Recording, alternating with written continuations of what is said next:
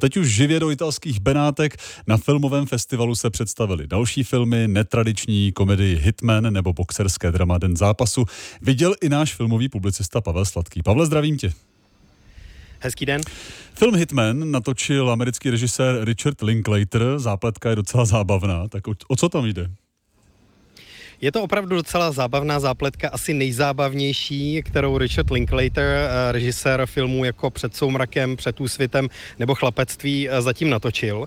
Vypráví totiž o takovém velmi nudném středoškolském učiteli, eh, který si ovšem zpestřuje svůj osamělý život tím, že spolupracuje s policií jako volavka a předstírá, že je nájemný zabiják a schází se s lidmi, kteří si chtějí objednat vraždu, aby je následně policie mohla usvědčit.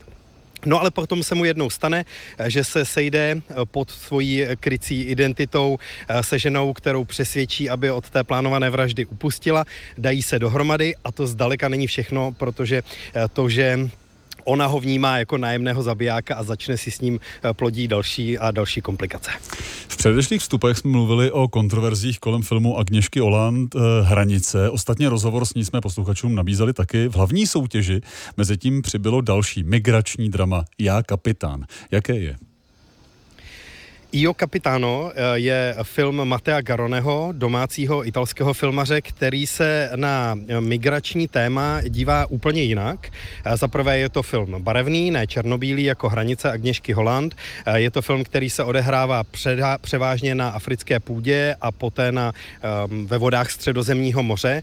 A je to skutečný příběh zpracovaný do podoby velmi spektakulární, podívané. Částečně se třeba odehrává v Dunách saharských pouští a je to vlastně příběh o překonávání eh, těch obtížích, eh, které má hlavní hrdina pocházející ze Senegalu eh, na své cestě za vysněným lepším životem někde ve Francii nebo v Itálii. Další černobílý boxerský film Den zápasu natočil herec, který debituje jako režisér. Jak se mu povedl? Povedl se mu Částečně, řekl bych, protože si uh, dal dost vysoké cíle. Eh, ten černobílý snímek může připomenout některé velmi uh, legendární filmy, jako je Zuřící bík Martina Scorseseho, nebo tím názvem The Day of the Fight, Den zápasu, taky film Stanleyho Kubricka, takže to mladý režisér Jack Houston zamířil skutečně hodně vysoko a je to dost sentimentální příběh boxera, který se po deseti letech vrací do mistrovského zápasu, má za sebou velmi problematický život, eh, rozhárané zázemí a on vlastně v ten den zápasu eh, obchází všechny své známé, blízké a snaží se takovým eh, velmi rozlučkovým způsobem vlastně srovnat své vztahy před tím, než vkročí do ringu ehm, do zápasu, který pro něj může být poslední. A zatímco režisérů a evropských hvězd je na festivalu v Benátkách dost, některé americké chybí. Je to kvůli té hollywoodské stávce?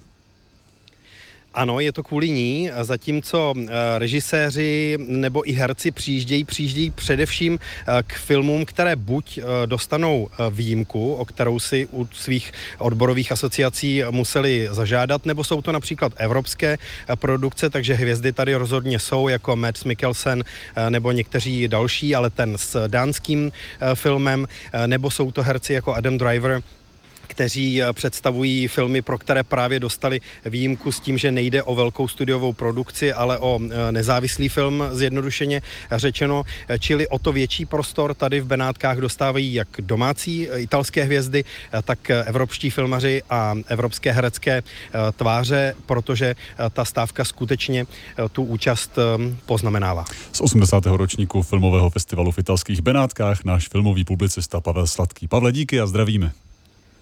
Díky, hezký den.